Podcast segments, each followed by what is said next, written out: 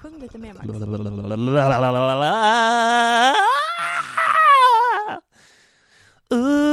Ooh, jag känner min inre Mariah idag.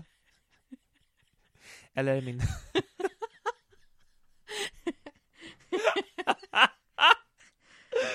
Det där blir content i Det bonusavsnittet. blir så content. Tyvärr sitter du med micken framför ena glasögat. Ser du? Ah. Så himla bra. Men du, Milla, jag eh, tänker att vi ska testlyssna nu, Mm. eller känns det som att vi har ändå? Behöver vi vi testlyssna? har- Nej. Vad är queer litteratur? Hur ser berättelser bortom normen ut?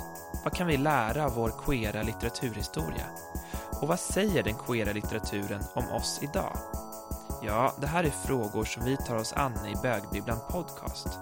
I den här podden kommer vi att presentera, diskutera och dissekera böcker från den queera litteraturhistorien och några av de mest spännande hbtqi plus-böckerna från vår samtidsutgivning. Vi som är med er i etern är Milla Leskinen, psykolog som knarkar bokcirklar och Max Bjuggfeldt, lärare och bögboksnörd. Den här veckan bjuder vi på samtal, reportage, intervjuer och boktips på temat queera arbetare. Välkommen till Bögbibblan Podcast, din skeva bokhylla.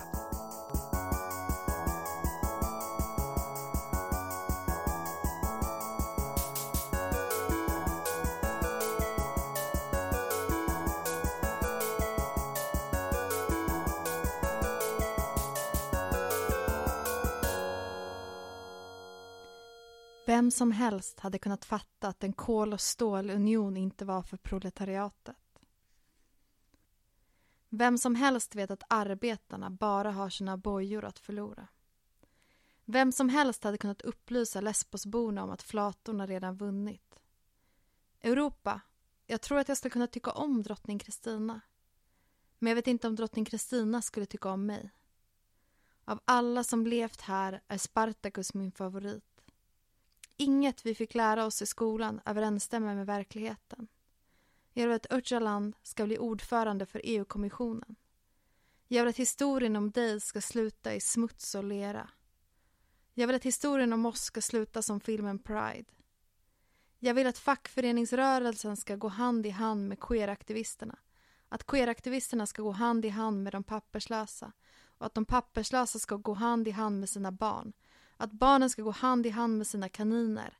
Att kaninerna ska ha vattenflaskor till barnen i sina ryggsäckar.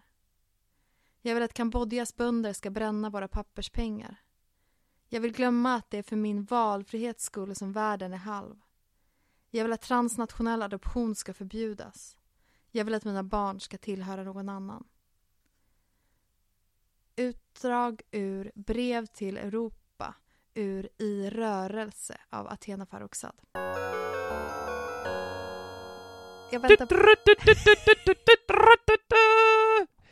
Låt mig presentera Fröken Leskinen! Tackar, tackar. Känns så att vi har någon sån 50-tals eh, tv-program nu. Just ja. Mm. Hur eh, känns det att vara, med, komma, vara tillbaka på 50-talet? Ehm, det känns så där. Jag antar att jag är förtryckt och i garderoben. Ah, Tråkigt. Allt är svartvitt också, när man Mm. sett på TV. Mm. Det skulle ju vara snyggt. Mm. Mm. Man slipper tänka på att matcha kläder. Det är inte vad jag tänker på det annars. Eh, hur mår du Max? Eh, jag mår prima. Eh, jag känner livet i mig och eh, våren kommer tillbaka och ni vet ljuset och allt det där som man bara har längtat efter och eh, jag är ju som du vet upp som en sol, ner som en pannkaka. Mm. Från redan fått, depression till hybris. det har vi fått bevittna redan nu på ungefär en kvart. Ja, Så ville du ställa in det här avsnittet. snabba vändningar. Jaha. Eh, och då, eh, så även över året kan man säga. Så att nu är det ju upp som ett solläge. Mm. Mm, För att det är februari. mm, Mm. exakt. Men det är härligt att det börjar med våren tidigt. Men du, vi har ju haft en väldigt händelserik eftermiddag här. På Cyklopen. Otroligt! Ja. Jag känner mig som en superstjärna ja. Vi har blivit fotograferade.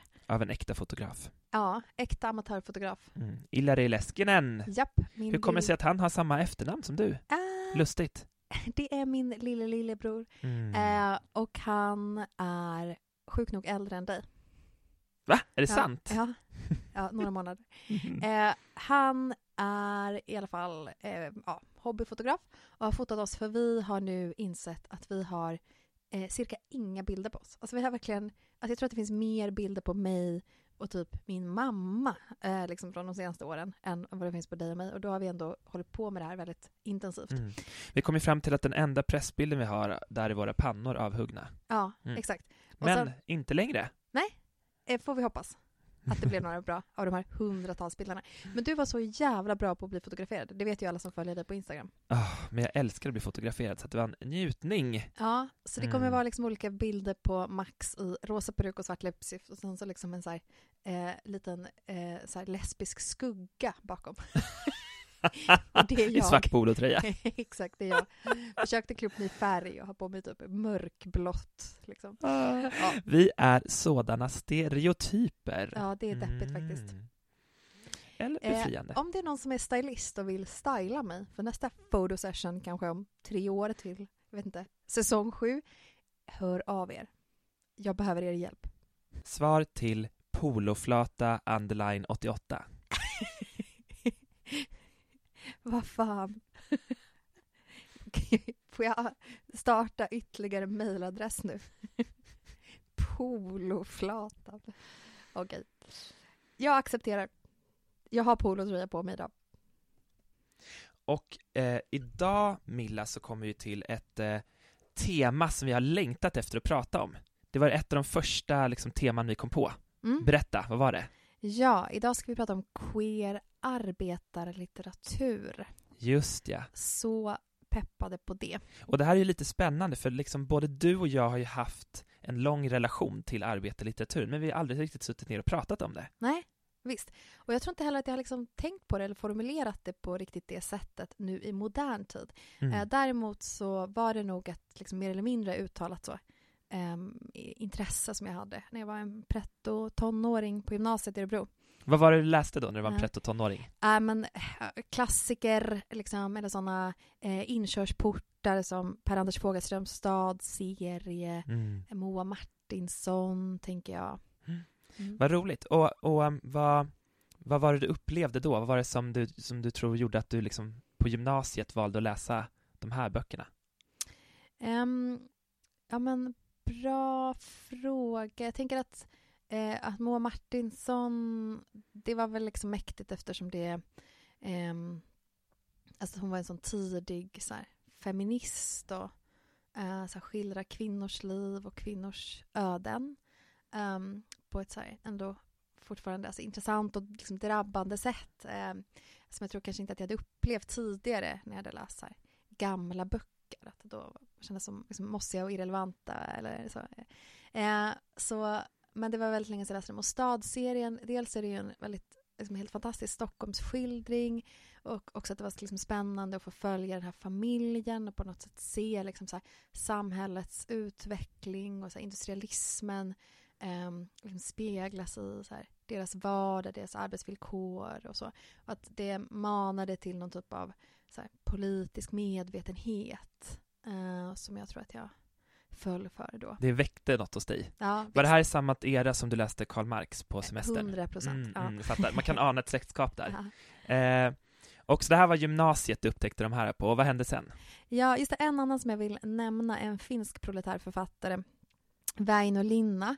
Eh, han har skrivit en eh, Okänd soldat, kanske den mest kända i Sverige, och eh, Högt bland Sa- Sa- Saarjärvis moar. Eh, det är första delen i en trilogi som skildrar eh, också då klassamhället ur en torparfamiljs perspektiv. Så man får följa den här familjen från eh, 1800-talet till mitten av 1900-talet. Kan verkligen rekommenderas genom finska inbördeskriget och så. Eh, så superbra eh, böcker, dock eh, hetero. Får vi skicka med sådana triggervarningar här kanske. ja, men jag har eh, fortsatt läsa arbetarlitteratur utan att kanske som sagt då beskriva eller benämna den på det sättet. Ehm, alltså, eh, Christian Lundbergs Jarden tyckte jag var fantastisk. Jag tyckte jättemycket om Underdog av Torbjörn Flykt när jag läste den för sig länge sedan. Eh, Lucia Berlins handbok för städerskor, den har ju i och för sig några år på nacken men den översattes ju till svenska och kom i, i ny utgåva för inte så länge sedan. Och, ja, andra sådana här uh, ung vuxen uh, ålder favoriter som Jonas Hassen Kemiris, Ett öga rött och eh, Mig äger ingen av Åsa Linderborg och Svinalängorna av Alakoski. Så det är ju Mm. verkligen, kan man ju ändå se som, som moderna så här, ar, liksom klassiker inom Mm, arbetarlitteratur. mm. Ja, men spännande. Och det här är ju, vi kanske kommer komma in på det senare, men det här är ju skildringar som innehåller liksom fler aspekter än klass, flera av dem, och där personer gör klassresor åt flera håll, kan man säga, Mm. i de här böckerna. Ja, Mm. berätta, vad är din relation till arbetarlitteratur? Eh, Min relation är nog framförallt från efter gymnasiet, när jag jobbat som svensklärare. Eh, Och jag har undervisat en del, både på högstadiet och gymnasiet, om arbetarlitteratur. Eh, Och det har ju också att göra med att eh, arbetarrörelsen tillsammans med nykterhetsrörelsen och den, de kristna rörelserna har haft så stor betydelse för Sveriges historiska utveckling. Men eh, det har ju alltid funnits som någon slags eh, även om jag älskar liksom berättelsen om de här rörelserna, hur de liksom lyfter människor ur, ur liksom en nästan för modern tid, liksom in i det nya Sverige på något vis, så har det ju liksom funnits tomrum, känns det som, i berättelsen. Och det är ju såklart det queera. Mm. Eh, som jag tycker att det finns liksom eh, som nästan är en skrikande tystnad får man lov att säga att det är så eh, heteronormativt att man inte ens kan som är som, en- som en skrikande tystnad nästan av att liksom det är så uppenbart att det är någonting som saknas i de här berättelserna. Mm. Eh, ja men verkligen. Och det var ju det som var liksom på något sätt startskottet till det här avsnittet. Här, Mm. Var är den queera arbetarlitteraturen? Eller finns den? Och, och hur ska vi förstå det? Eh, och jag tänker att för mig känns det helt självklart att den eh, queera kampen också eh, kan och måste hänga ihop med andra kamper, liksom politiska och ideologiska. Eh, och att man liksom inte kan på något sätt subtrahera eller ta bort eh, den queera erfarenheten ur så här, klasskampen eh, eller andra såklart politiska strider. Eh, men liksom det också inte går att förstå så här, queer kamp utan att liksom, ta med andra förtryckande strukturer med i, i ekvationen som till exempel då kapitalismen. Eh, men hur eh, och eh, har vi tagit oss an det här i litteraturen och hur har vi i så fall eh, gjort det? Det var frågor som liksom drev, drev mig och oss tror jag i skapandet av, av det här avsnittet. Du är ju också nykterist, sa han till mig. Jag anser att sådana nykterister som inte kan tolerera att andra använder sprit, det är människor som är osäkra på sig själva. De anser att det enda rätta är att helt avstå från alkohol. De anar att de annars skulle kunna bli missbrukare.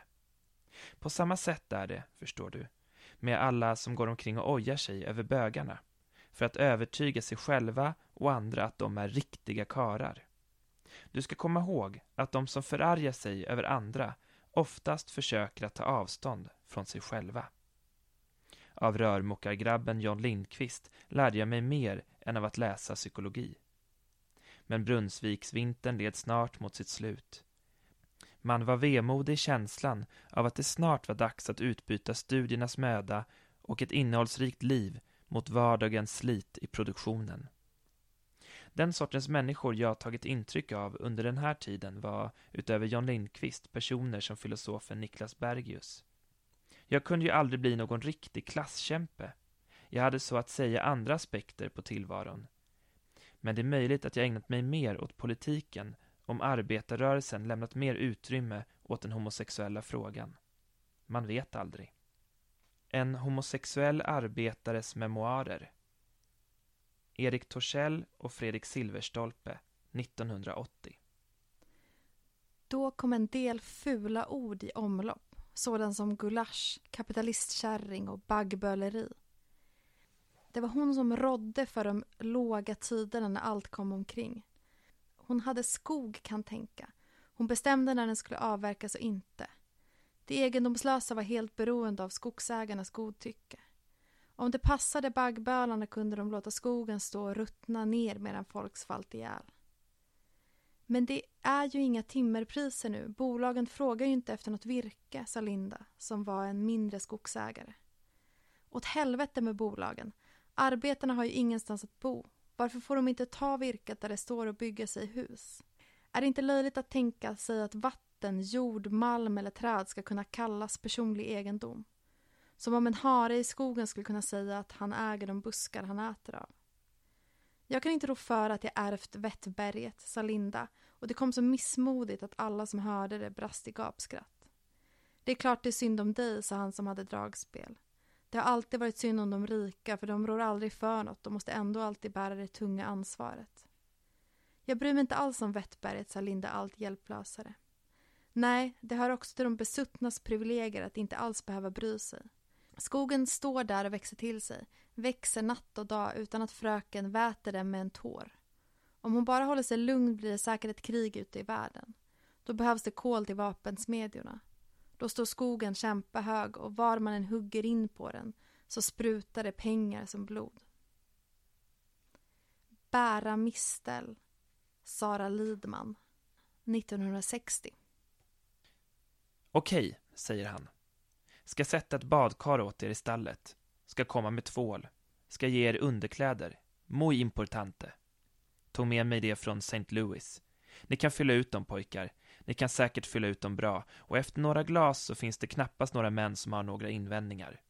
En ny epok i Dagswills historia. När de ensamma männen fick töser att dansa med och allt på ett snyggt och propert sätt. Alltså marscherade vi ut igen och ryckte på axlarna som om vi ville säga att världen var galen. Men också att man kunde ha tur mellanåt. 50 cent vardera. Hur många gånger i hur många läger innan vi somnade under tiden i armén, ute på prärien, på ensliga sluttningar upprepade vi inte det, John och jag. Om och om igen, och vi upphörde aldrig att skratta. 50 cent värdera. Just denna kväll i den okända världshistorien hjälpte Mr Titus Noon, ty så hette han, oss på med klänningarna med en sorts manlig taktfullhet. För all del verkade han kunna en del om hyskor och band och sånt. Han var också förutseende nog att stänka parfym på oss. Så ren hade jag inte varit på tre år, om ens någonsin. På Irland hade jag inte varit känd för min renlighet om sanningen ska fram. Fattiga bönder har inga badkar. När det inte finns mat på bordet är också en blygsam hygien det första som försvinner. Salonen fylldes hastigt, affischer hade snabbt satts upp runt om stan och gruvarbetarna hade hörsammat kallelsen. Jag och John Cole satt på varsin stol invid en vägg. Väldigt flickaktiga, väluppfostrade, stillsamma och snälla. Vi tittade inte ens på gruvarbetarna vi riktade blicken rakt framåt. Vi hade inte känt särskilt många stillsamma flickor, men vi kom in i det bra. Jag hade en gul peruk och John en röd. Vi måste ha sett ut som någon nationsflagga från halsen och uppåt där vi satt. Mr Noon hade omtänksamt fyllt våra klänningsliv med bomull. Allt väl, fast vi var barfota. Han hade glömt att skaffa skor i St. Louis. Det fick komma senare. Han sa att vi skulle hålla ett öga på hur gruvarbetarna klev. Vi sa att det skulle vi. Lustigt hur allt förändrades när vi drog på oss de där klänningarna. Alla sorger och bekymmer försvann. Inte i hela mitt liv har jag känt mig så nöjd. Jag var en ny människa nu, en ny tjej. Jag var befriad precis som slavarna blev befriade i det kommande kriget. Jag var beredd på vad som helst. Jag kände mig nätt, stark och fulländad. Så var det. Jag vet inte hur det var för John Cole. Han sa aldrig det. Man måste beundra John Cole för allt han lät bli att säga. Men han anmärkte aldrig på den branschen.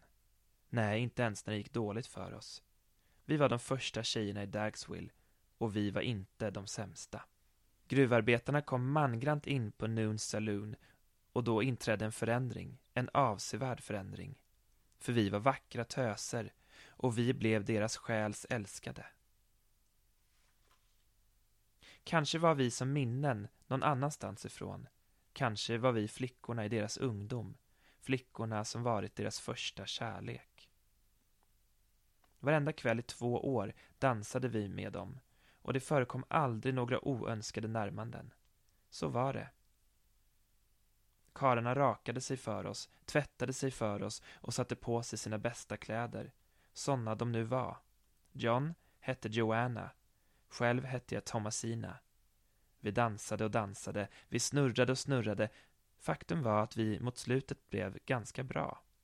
Vi kunde valsa långsamt och snabbt. I Dagsville hade det aldrig funnits bättre pojkar, vill jag påstå. Eller fagrare, eller renare. Days Without End, Sebastian Barry 2016. Shaggy hade en särskild ordning när han förberedde sitt pass. Burkarna med röror och feta sallader hälldes över i rena kantiner.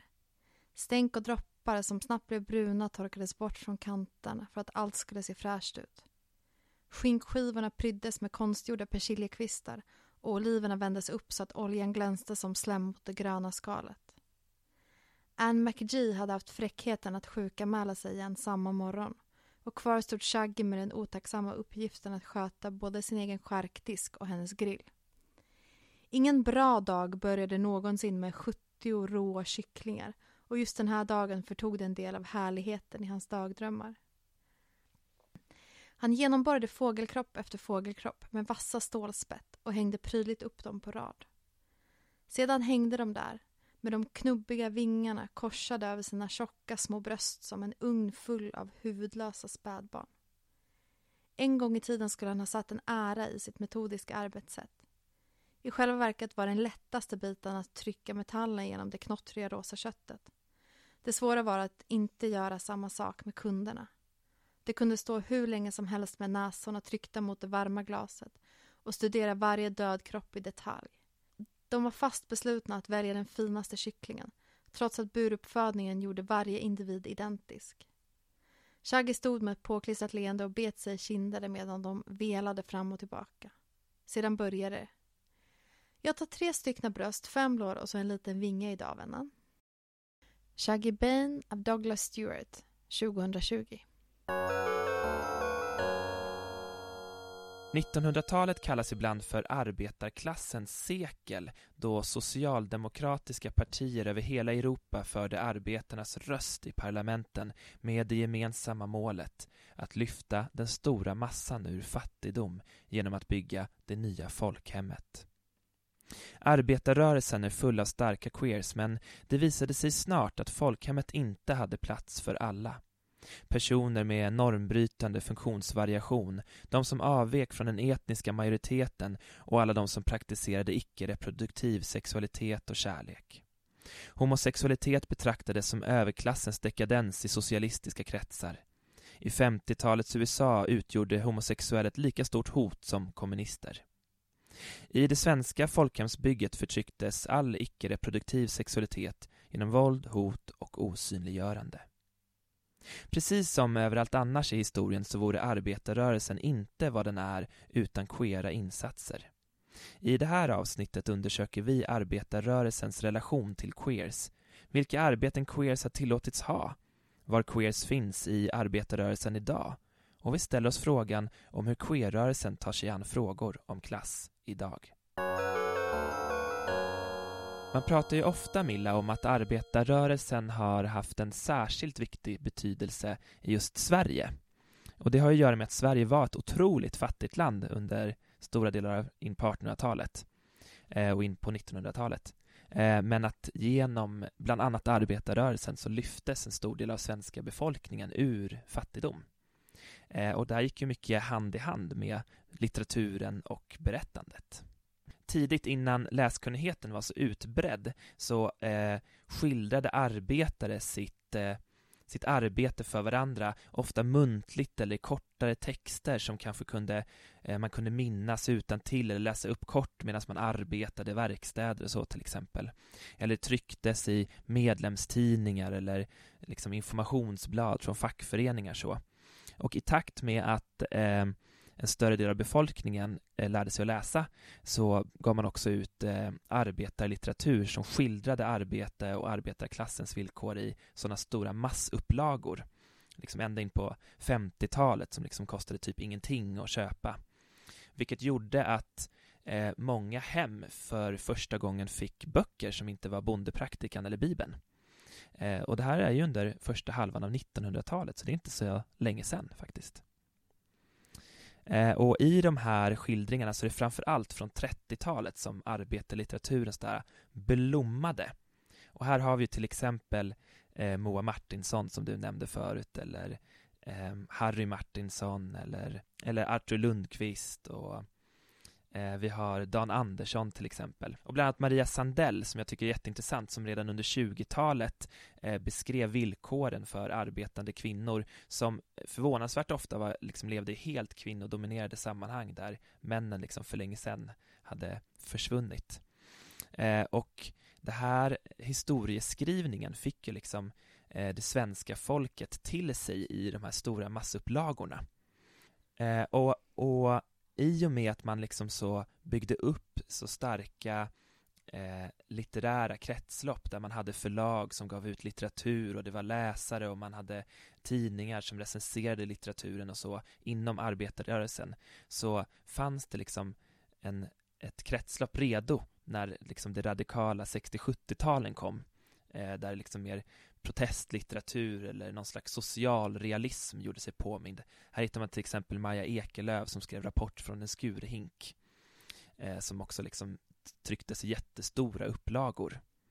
Eh, och, och nu under 00-talet så har vi sett en ny våg av arbetarlitteratur som är många av de författarna som du beskrev i början av, av avsnittet med framförallt skulle jag säga Susanna Alakoski och Åsa Lindeborg och Christian Lundberg som så här i fronten.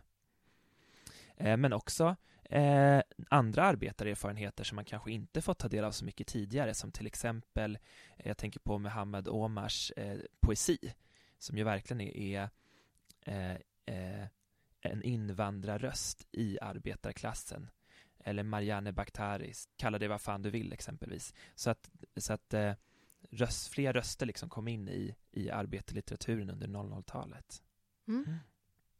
Nu har vi eh, fått en jättebra liten historielektion här om, om arbetarlitteratur. Eh, men hur skulle, vi, eller hur skulle du definiera arbetarlitteratur? Vad är det för någonting? Mm. Eh, på ett sätt eh, inte klurigt alls. Det finns en litteraturprofessor som heter Magnus Nilsson som har skrivit om just arbetarlitteratur och han menar att arbetarlitteratur är av, för eller om arbetare. Och det känns ju otroligt brett. Så där känner man ju att man kanske skulle behöva nischa av den eh, definitionen lite. Mm. Och där har väl du funderat lite Milla?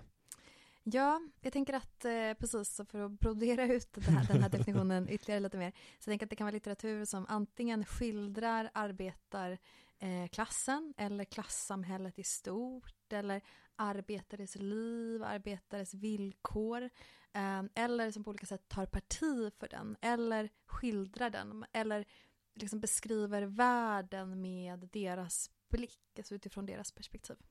Men i och med, som du redan varit inne på, att samhället har förändrats har ju också arbetarlitteraturen behövt förändras. Utan man måste också liksom nu eh, kanske inkludera etnicitet, eh, migration eller sexualitet för den delen. Eh, för att kunna vara liksom relevant för, som arbetarlitteratur idag. Ehm, vissa hävdar ju eh, så här, gamla ABF-kommunistgubbar, tror jag, uh, föreställer mig, uh, hävdar ju att arbetarklassen är död, alltså att det inte längre finns arbetare. Uh, och vissa har ju till och med liksom slutat benämna arbetarklassen som arbetarklassen och kanske då pratar om underklassen. Um, och prekariatet som, som är en, är inte utbytbar men relaterad term som vi ska komma in på sen. Eh, och det finns en så intressant, ett så intressant skifte i det tycker jag. För att arbetarklass har så associationer till att vara så personer som är så hyggliga, ordentliga, rediga, flitiga och strävsamma. Så här, knegade på på sina jobb men de byggde landet. De byggde landet, liksom, bar liksom, Sverige på sina axlar. Men sen gick de hem och läste Moa Martinsson och du vet, så söp inte. Läste brevkurser. Ja, exakt. På Hermods. Ja, Eh, exakt, och var med i olika såna här studiecirklar och byggde typ Folkets hus på helgerna. Uh, medan underklassen då uh, har lite andra associationer, att det här är personer som uh, kanske då har eh, hamnat i ett så livsöde eller då i en, i en underklass för att de har en dålig karaktär eller för att de är dumma eller så här, eh, kanske lite mer associationer till att vara smutsig och så eller, eller lat. Och att eh, klassbegreppet har ju också vattnats ur, eh, menar vissa.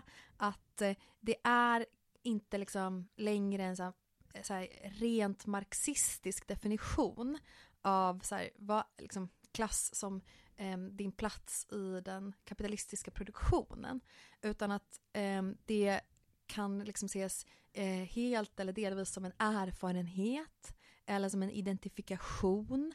Um, som till exempel då att man skulle kunna eh, kanske se sig själv som så arbetarklass eller underklass fast man eh, kanske har föräldrar som har en, en viss utbildning men där det fanns missbruk i familjen till exempel. Så det skulle kunna vara då eh, ett sätt här, att beskriva en då kanske underklasserfarenhet men då utan den så här, traditionella eh, så definitionen av, av klass eh, och arbetarklass.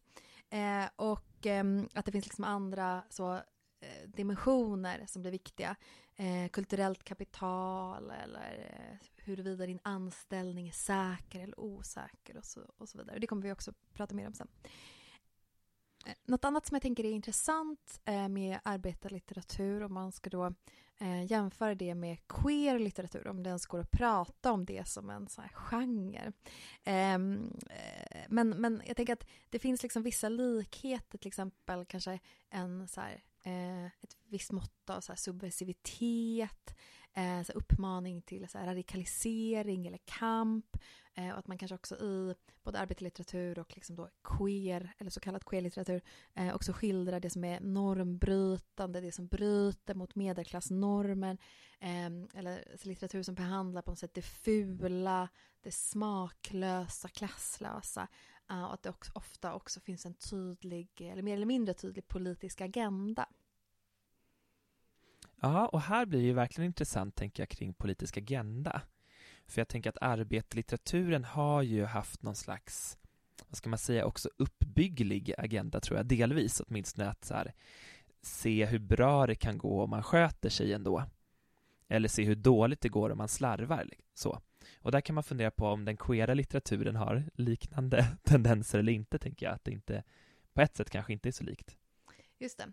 Ja, men jag håller med om kring uppbyggligheten, men jag kanske tänker att det ändå finns en, en politisk agenda i form av att man vill, um, jag vet inte, Ändra på, på maktförhållanden till ja, exempel. Ja, exakt, mm. eller tänja på normer eller så. Mm. Uh, luckra upp föreställningar om hur saker är. Mm. Men man kan ju liksom fundera då på hur kommer det sig i en så här lång litterär tradition som ändå liksom hundra år plus eh, som arbetarlitteraturen som, som är på något vis ska bryta av mot det tidigare och visa på andra eh, liv som inte har beskrivit kanske litteraturen tidigare. Hur kommer det sig då att eh, queersen tycks lysa med sin frånvaro? Mm. Jag funderar på, eh, när man tittar på det här med den här definitionen som vi pratade om i början om eh, av, för eller om arbetare så kan man ju fundera också på av, för eller om queera personer. Eh, och här tänker jag att eh, litteratur, eh, både nu och historien, har ju alltid villkorats av att den liksom, det finns, eh, vad ska man kalla det, gatekeepers som släpper igenom eller inte släpper igenom vad som ska ges ut. Kanske i form av förläggare eller redaktörer eller, eller vad det nu kan vara. Eh, och där kanske eh, det inom arbetarlitteraturen så har ju liksom homosexualiteten kanske setts, sett som en så här borgerlig eh, livsstil. Något som liksom inte är uppbyggligt. Därför kanske de livsberättelserna har stängts ute från arbetarrörelsens liksom litterära kretslopp så. Mm. Just det. Precis, och sen kanske då i queerrörelsen, att, eller i alla fall den liberala queerrörelsen, har det då inte då befattat sig med den typen av tematik, eh, kanske historiskt sett, som, som arbetarrörelsen befattar sig med, till exempel så analys av så här, ja, just klassamhället eller så. Uh, och precis som du är inne på, att man då har sett kanske på queerhet som någonting för, för överklassen eller, eller någonting identitetspolitiskt som man uh, också är liksom en, så här, ett borgerligt påfund. En fråga som på något vis blir nödvändig att eh, försöka närma sig när vi ska prata om queer arbete är ju då vad queert arbete är eller vad eller vilket arbete som queers har utfört. Eh, och här tänker jag att det finns eh, vissa sektorer i samhället där queers har kunnat vara mer synliga än i andra sektorer. Och då tänker jag särskilt på så liksom underhållningsindustrin eller restaurang och hotell och barer, den typen av yrkesliv. Eh, eller särskilt eh, de här Amerikabåtarna eh, som jag har skildrat som verkligen queera rum så. Eh, I alla fall för homosexuella män. Eh, och jag funderar lite på vad det kan vara som att sådana här, just de yrkena har kunnat bli samlingsplatser för, för åtminstone bögar och delvis flator. Och att jag tänker att det har att göra med att det här är platser som liksom är lite slutna på ett sätt. De blir liksom sina egna universum. Eh, och där man är långt från familj redan så att det är naturligt att man inte har en familj, man behöver inte bortförklara det eller eh, inom restauranglivet då ska det vara lite flärdfullt, så här, det finns ett större utrymme att vara någon annan än normen så. Men också att det har att göra med eh, en slags straight tid kontra en queer tid. Att, att har man familj och barn och så, då kan man liksom inte vara frånvarande från hemmet så mycket och framförallt kanske inte på just de tider som krävs inom en restaurangbranschen eller sådär. Eh, och att då att det blir en slags queer-tid som är kompatibel med queera liv som inte är lika kompatibel med straighta liv till exempel. Mm. Gud vad spännande. Ja. Jag tänker också att de här äh, platserna, jag tänker kanske på eh, underhållningsindustrin eller Amerikabåtar, man tänker då liksom just så kopplingen till arbetarlitteratur, att det kanske um, inte har varit så arbetarrörelsens liksom, starkaste fästen. Uh, om man jämför med liksom, då, industrier eller kanske då eh, ja, men senare inom så här, eh, offentlig liksom, sektor eller så.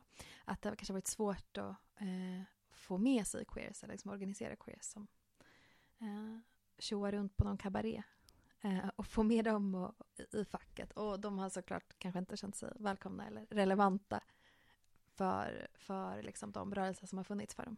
Och vid en första anblick kan det ju verka som att det inte finns några skildringar av queera arbetare eller någon queer arbetarlitteratur, men den som eh, läser med sina queera glasögon på kanske har hittat spår i litteraturhistorien. Du Milla har ju precis gjort en upptäckt. Mm. Vill du berätta om den? Ja, jag har sent om sidor tagit med an Sara Lidman verkligen legat som en sån, oh, en dag måste jag läsa det här. Men vad är det som gjort att jag liksom eh, inte kommit mig för? Men nu eh, är jag eh, inte helt klar, men är nästan klar med Bära mistel av, mm. av Sara Lidman som har ändå en ehm, ganska tydlig queer eh, tematik. Eh, den handlar om, man kan väl kort beskriva det som en, en typ av road movie eh, med en pensionatsvärdinna, Linda Ståhl, som reser liksom runt i norrländska byar med en eh, violinist eh, som är då eh, bög. Och eh, om här, deras relation, om, om kärlek och om eh, livet. Mm. Och eh, det är ett helt otroligt språk. Verkligen varje mening skulle kunna vara en, så här, en dikt typ. Mm. så det är eh, ett, så här, jag, jag, vill typ vara eh, Sara Lidmans språk och bada i det. Så det är verkligen en, en läsning jag rekommenderar. Och en väldigt spännande liksom, så inblick i eh, så här, ett väldigt provinsiellt Sverige. Mm. Eh, och eh, det som är så fascinerande, eller som jag tycker är spännande när du berättar om hur det är att läsa den, det, det är just det där eh, det kompakta berättandet, för jag minns när jag läste den för några år sedan, att det tog så jävla lång tid. Och jag bara, hur lång är boken? Typ 250 sidor, det hade lika gärna kunnat vara 500. Det är som ett riktigt mastigt rågbröd, man bara tuggar och tuggar och tuggar, men det är underbart. Mm. Älskar också rågbröd. Kanske också därför jag älskar bara mistel. eh, och det är verkligen en strålande skildring också av ett, ett queert liv utanför storstäderna. Mm. Så underbart att du har upptäckt det här Milla, jag är så glad för din skull mm. och eh, det får mig att själv vilja läsa om Bara Mistel. Mm. Regnspiran heter ju uppföljaren. Mm. mm. Eh, och eh, om vi backar lite längre bak i historien så kommer vi ju till Maria Sandell som jag nämnde tidigare. Hon skrev Droppar i folkhavet eh, som ehm, handlar om ett nästan helt kvinnligt eh, sammanhang eller kollektivt liv där eh, Gerda eh, som nybliven mamma blir lämnad av sin man och eh, flyttar in hos en änkan fru Hägg. Eh, och bland annat så möter vi, förutom att det är så exklusivt liksom, bara kvinnor nästan, så möter vi också här kvinnlig homosexualitet. För kanske första gången i den svenska litteraturhistorien. Och det här känner man ju verkligen är en bok som förtjänas att lyftas fram och upptäckas av fler. Eh, och den gavs ju ut redan 1924 och här får man då inblick i eh, arbetarlivet som Gerda som fabriksarbetare på 20-talet. Eh, så att det är verkligen en skildring av arbete och arbetarklass. En annan sån lite äldre pärla eh, hittar vi hos Jean Genet, den franske författaren som drog land och rike runt och levde rövare.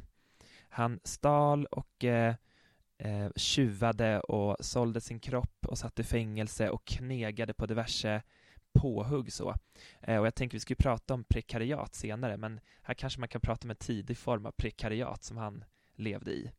Eh, och hans eh, hade liksom man tänker sig att när man drar land och rike runt i Frankrike, man skulle inte ha tid att sitta och skriva böcker liksom. Men han hade uppenbarligen den där förmågan att på bara liksom spotta ur sig litteratur som sen gått till historien som mästerverk och filmatiserats eh, om och om igen.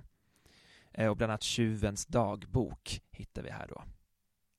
Det känns också som att det finns eh, en hel del böcker som har kommit nu, ut nu, liksom, ganska nyligen, som skildrar liksom, alltså queera personer som eh, inte lever längre idag och liksom deras liv. Vad, ja. vad tänker du? Har jag ja, rätt i min spaning? Du har rätt i din spaning, helt rätt. Och jag har faktiskt med mig tre böcker här som är exempel på, på just det här. Eh, den eh, första eh, boken är eh, en homosexuell arbetares memoarer. Eh, och det är Fredrik Silverstolpe som tillsammans med eh, Erik Torssell har beskrivit Erik Torssells liv. Den här kom ut 1980 när Erik Torssell var ganska gammal eh, redan själv över 80 år och beskriver Erik Torssell eh, som växer upp då eh, med en ensamstående mamma. De bor i någon sån här fattigstuga där hon får liksom arbeta för att de ska få mat. Och när han är typ 14 får han börja jobba på eh, som, som dräng. Och så småningom så lyckas han få en plats på ett järnbruk. Liksom ett livsfarligt arbete verkligen. Och han är homosexuell och förstår det och genom att få möjligheten att utbilda sig på Brunnsvik inom arbetarrörelsen eh, så får han så småningom en utbildning eh, och kommer att bli en riktigt sån eh, viktig person i arbetarrörelsen eh, som eh, driver ABFs arbete men som också eh, kommer att resa runt och föreläsa om sin homosexualitet. Och det här är liksom långt innan RFSL har bildats. Eh, och han är också med och bildar RFSU tillsammans med Lise Ottesen. Så att det här är liksom en sån riktig, riktig, riktig föregångare och man kan liksom inte fatta vilken jävla urstark människa han måste ha varit som gjorde det här på en tid när homosexualitet fortfarande var kriminellt. Eh, så att en enastående skildring verkligen av hans liv. En ehm, otrolig titel. Och en otrolig titel, en homosexuell arbetares memoarer. Eh, och jag har med mig två mer sentida skildringar också av queera liv. Den ena är Kalle Holmqvists Frans och Lars, Kärlek och klasskamp på 1890-talet, eh, som tar sitt avstamp i ett rättsfall där eh, Frans eh, Albert Pettersson, grovarbetare och måleriarbetaren Lars Konrad Johansson blir tagna på bar gärning när de ligger med varandra och då har de haft ett förhållande och liksom bott ihop under en längre tid. Eh, och då är liksom, får man möta Stockholm och man får möta eh, situationen inom arbetarrörelsen eh, och hur det här skiljer sig i medier och också vad som hände med, med Frans och Lars efter det här rättsfallet. Eh, och det är liksom ett enastående att det här dokumentet ges ut nu, liksom att man får ta del av det så. Som en tidsskildring. Och en annan eh, bok som är lite besläktigad är Eh, Kurt Larssons En själs bekännelse, Flykten till friheten. Eh, och, han skriver, det är en självbiografisk bok och han beskriver den själv så här med att syftet med att skriva är självbiografiskt och att med egna exempel visa att det går att leva ett rikt liv även som homosexuell, ateist, kommunist, alkoholist och poliskarriärist. Alltså ni hör vilken komplext, vilken komplex människa det måste ha varit och eh, eh vilket fantastiskt tidsdokument att få ta del av det här. Ja, okej. Okay. Så det var historiska eh, exempel på queer eh, arbetarlitteratur och sen så eh, var det också de här liksom, böckerna som då skildrade eh, verkliga personers liv. Vad har vi då för skildringar, alltså mer moderna skildringar av queer arbetarlitteratur? Mm. Alltså den första jag tänker på är ju eh, Frankrikes största lysande stjärna nu, eller i alla fall en av de mest klart lysande stjärnorna på franska litteraturhimlen, Edouard Louis, som ju verkligen har liksom slagit sig in på den litterära scenen som en skildrare av, som en vänsterröst och en skildrare av arbetarerfarenheter och i relation då till hans egen homosexualitet. Eh, och här hittar vi till exempel Vem dödade min far? En pytteliten kort bok, men så rik. Också en sån här som man kan lägga mycket tid på att läsa trots att den inte är så himla lång. Vad har du spanat in på den litterära himlen? Ja, det eh, har inte gått att liksom navigera eh, på den litterära himlen utan att eh, stöta på Shaggy Bane eh, av Douglas Stewart. Och eh, den vann Bookerpriset och det är väl ovanligt för, för debutanter vad jag förstår. Och det här är, har ju verkligen varit en sån kioskvältare, eh, skulle jag vilja påstå. Eh, så ovanligt eftersom den just skildrar en queer-person och eh, hans liksom, uppväxtförhållanden i ett extremt fattigt eh, Glasgow i 80-talet och, och, in på 90-talet. Eh, den är alltså jättetjock. Eh, eländesporr, om man nu gillar det. Men såklart också en liksom väldigt viktig och eh, också liksom bitvis väldigt spännande skildring av eh, ett verkligen fattigt, fattigt England. Mm, och en annan typ av skildring av queert arbete skulle man kunna säga är The House of Impossible Beauties som de flesta kanske känner igen som tv-serien Pose på Netflix. Men det här är då boken som är förlagen och den baseras ju faktiskt också på eh, verkliga livsöden. Eh, och, och flera av karaktärerna i den här boken försörjer sig som sexarbetare. Men det finns också eh, scener som verkligen så bränner till när det kommer till klass och tillhörighet. Så som en av huvudpersonerna eh, försöker hitta en annan försörjning genom att till exempel eh, bli modell.